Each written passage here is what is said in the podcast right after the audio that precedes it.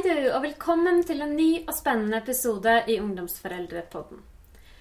Føler du iblant at du ikke strekker til?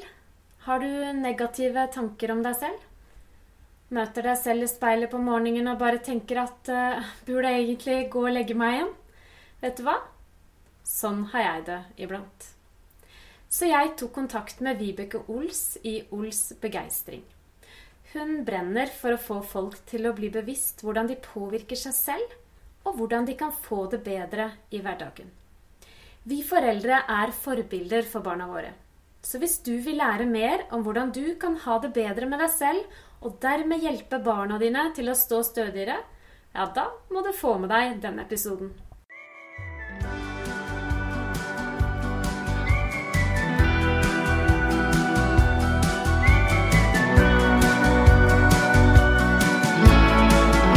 Sett deg lenge, kommer til å skje. Du blir voksen, og jeg veit ikke helt hvordan jeg takler det. For de greiene der er søren meg ikke for hvem som helst. Vibeke, du er det mest negative mennesket vi har på jobben, og jeg er altså så drittlei deg, og flere av kollegaene baktaler deg.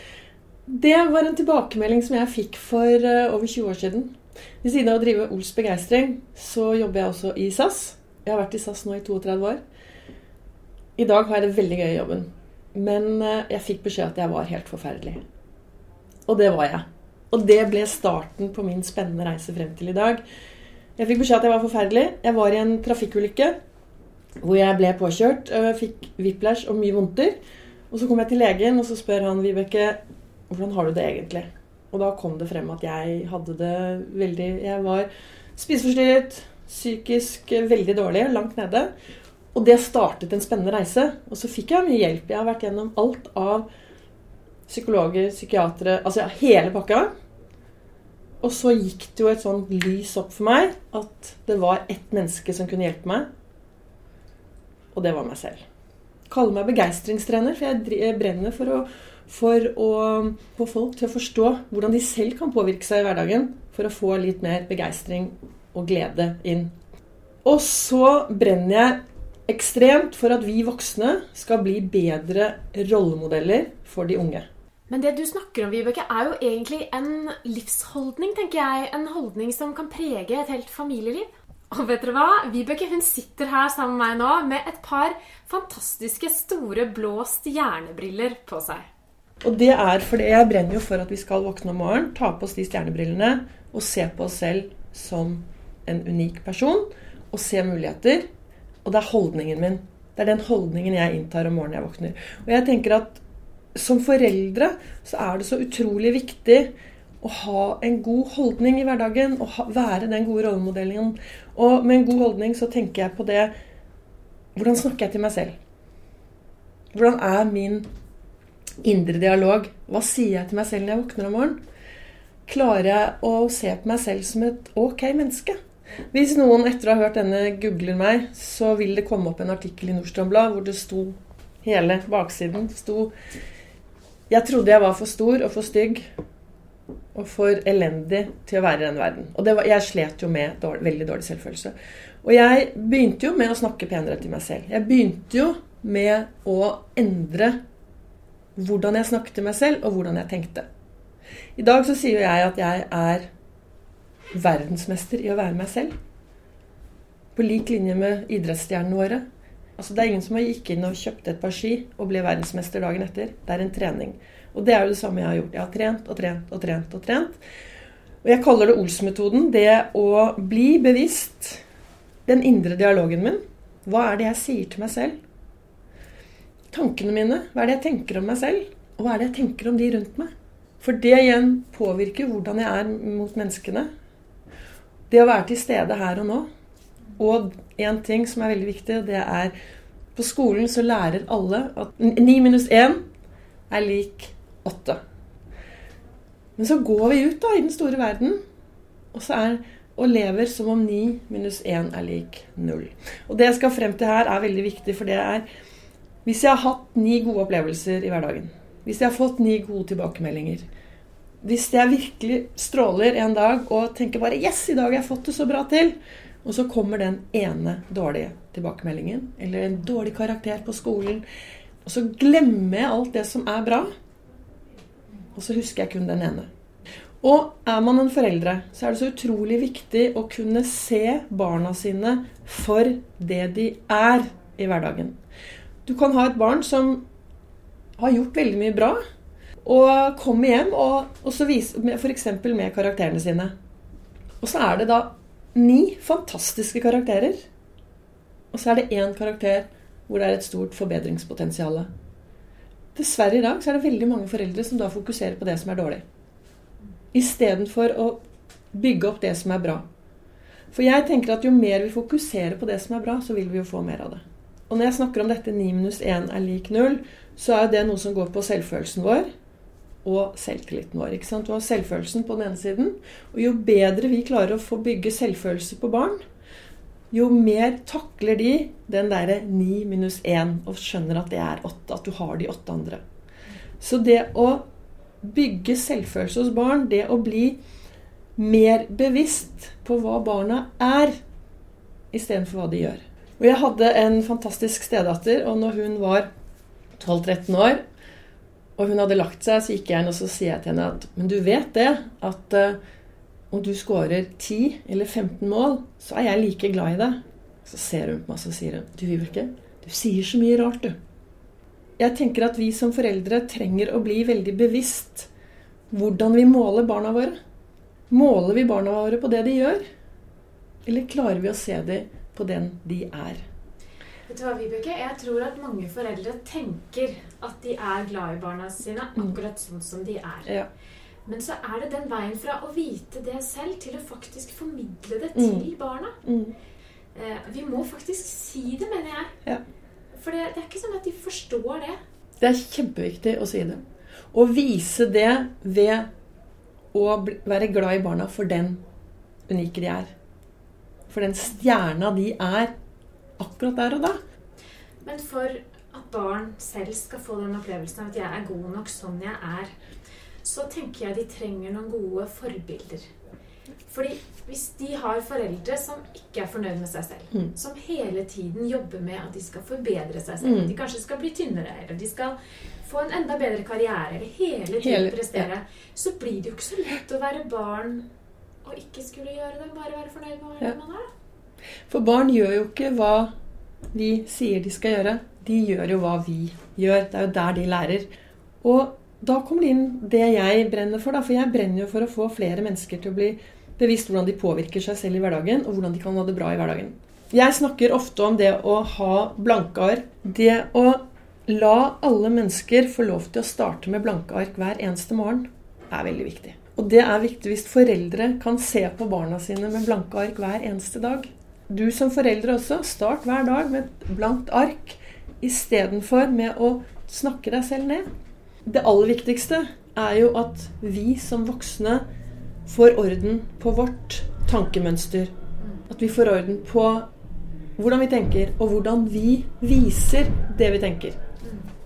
Jeg tenker det er viktig å, for å få barn til å få god selvfølelse, så vi som rollemodeller Det vi tenker, er det viktig å ta videre ut i hvordan vi gjør. Vi, jo mer gode tanker vi kan ha om oss selv, og godta den vi er, på godt og vondt, og vise det utad, så blir det enklere for barna å få gode rollemodeller. Tankene våre er jo hele tiden i endring. Og det, vi tenker jo mange av de samme tankene, men vi får litt nye input hver eneste dag. Og da å bli bevisst hvordan vi skal takle tanker. At tanker er noe som kommer og går. Du er ikke tankene dine. Tanker er faktisk En tanke er forskjellige ord. Og hvis du blir bevisst hvordan du kan Oi, der kom den tanken. Kan jeg tenke den på en annen måte? Foreldre for barn snakker om røde og grønne tanker. Psykologisk førstehjelp. Ja. Og det er, de er kjempeflinke på det. Mm. Ja, for tanker er bare tanker. Det Ja. er faktisk ikke sannheter. Nei. Og hjernen min jeg, På mine foredrag så starter jeg alltid med å spise en sitron. Ordentlig stor bit av den sitronen. Og da sitter jo alle bare Åh, de lager de rareste grimaser. Og så sier jeg ja, dette er det viktigste jeg gjør. Jeg spiser, og du kjenner. Du tenker det, be- Det betyr at hjernen din skjønner veldig liten forskjell på hva som er fantasi, og hva som er virkelighet. Så du kan jo selv programmere det topplokket ditt i den retningen du vil. Det handler om å ta grep, rett og slett. Ja. Ta grep over tankene og styre de. Men du, Vibeke, jeg tenker jo at du byr jo veldig på deg selv. Ja. Både både Ja. på dine egne historier Ja. og på den du er. Du sitter der på morgenen med denne froskelua på deg. Du har disse morsomme brillene. Tenker Du får sikkert mye bra, hyggelige kommentarer. Men, men du får sikkert ikke bare det. Nei nei. Får du, litt, får du negative kommentarer? Ja. ja. Spesielt den. Vibeke, det kan hende du skal begynne å sminke deg om morgenen. Er det sant? Ja. Og så sier jeg Ja. ja, men nå er det sånn at jeg har jo, jeg har jo programmert topplokket. Jeg er totalt hjernevasket. For jeg starter jo hver morgen, jeg. Med eller uten klær. Jeg ser meg i speilet, og så sier jeg bare Yes! Du er søren meg like flott og sexy i dag også. Så du kan si jeg har jo programmert meg selv til, eh, men, til å ha troen på meg selv på det jeg driver med i dag. Men ja, jeg får tilbakemeldinger på at uh, er det du egentlig holder på med? Det var nettopp det jeg tenkte. Mm. Hvordan, hva gjør du med det? Hvordan møter du det, Vibeke? Da har jeg en alternativsetning nedi hatten her. Nei, når, jeg, når ting, sånne ting kommer, så tenker jeg det har vel lite med meg å gjøre. For jeg har jeg har bevis på at det er, mange som, det er mange som har endret seg, og det er mange som har det bra fordi de lytter på meg. Det jeg ser, er at det er mye enklere for et menneske å kommentere på en negativ måte enn hva det er å legge inn noe positivt. Men jeg får mye hyggelige tilbakemeldinger av folk som setter så pris på å høre på meg om morgenen. Det gjør liksom den store forskjellen i dagen deres. Og så lenge jeg har noen sånne, så, så velger jeg å fokusere på det, da. Og det er noe med det at eh, jeg har lært at det du fokuserer 20% på, det kan du få 80 av. Så jeg velger å fokusere på det som er bra i min hverdag. Og det andre lar jeg bare gå videre. Rundt, ut. Så Men det er Altså, jeg brenner veldig, veldig for å få folk til å være mer fornøyd med seg selv. Jeg brenner for å få folk til å Om, ikke, skaff, altså, om ikke man skaffer seg en sånn stjernebrille selv, så ønsker jeg at folk skal forstå at det du sier til deg selv i speilet om morgenen, det er det du tar med deg ut resten av dagen. Hvis du tar med deg tar på deg den gode holdningen, stjernebrillen, mulighetsbrillen Hvis du tar på deg den og går ut i verden, så kan det hende at du får en bedre dag enn om du ser deg selv i speilet og begynner med å finne fem feil. Det, og det er et valg vi har. Og jeg tenker det er så viktig som foreldre å starte dagen med å se muligheter. Se muligheter i barna dine. Se, la barna få lov til å være den unike de er. Det som er, er jo at et barn Jeg pleier å si på foredragene mine at et barn er som en lyspære som har 100% watt. Altså de bare spretter opp om morgenen og er helt full fart. Og har så troa på seg selv. Og så får de noen kommentarer underveis.